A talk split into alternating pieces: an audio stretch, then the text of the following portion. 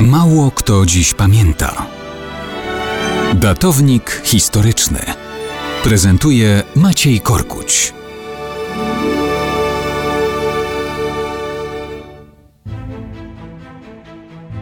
Mało kto dziś pamięta, że 22 marca 1887 roku uległo gwałtownej zmianie życie 19-letniego studenta medycyny Uniwersytetu w Charkowie Józefa Piłsudskiego.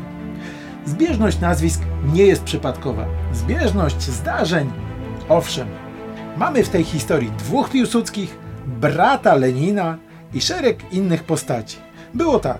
Grupa młodych rosyjskich rewolucjonistów z organizacji Narodna Jawola przygotowuje zamach na cara Aleksandra III. Jeden z nich, Michał Kanczer, szuka możliwości zakupu strychniny i atropiny potrzebnych do wyprodukowania bomby.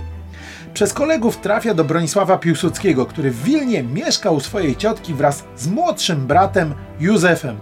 Bronisław załatwia Kanczerowi produkty, jedzie do Petersburga. Kanczera zostawia z Józefem, który nie ma pojęcia o co w tym wszystkim chodzi, ale jest dla gościa uprzejmym przewodnikiem po Wilnie. Kanczer potem wraca do Petersburga. Są materiały chemiczne, Bronisław załatwia fundusze, można przeprowadzić zamach.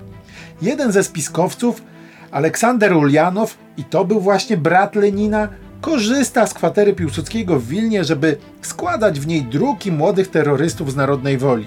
13 marca 1887 Petersburg.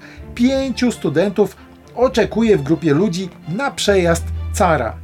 Policja dostrzega podejrzane zachowanie jednego z nich. Profilaktycznie aresztują wszystkich pięciu, w tym Kanczera. Ze zdziwieniem stwierdzają, że przypadkiem udaremniają zamach na cara. Kanczer się załamuje w śledztwie i zaczyna sypać wszystkich i wszystko. W tym czasie Józef Piłsudski udziela pomocy jednemu ze śledzonych spiskowców, ale nic już nie zatrzyma machiny rozpoczętych aresztowań.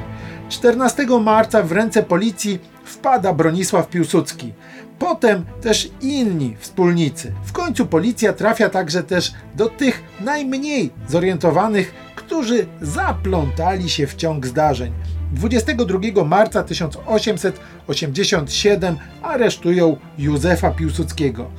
Brat Lenina i czterech kolegów idą finalnie na śmierć. Bronisław Piłsudski wyrok 15 lat katorgi na Sybirze. Józef, nawet niezorientowany w spisku, 5 lat Sybiru. I tak życie 19-letniego studenta medycyny uległo gruntownej zmianie.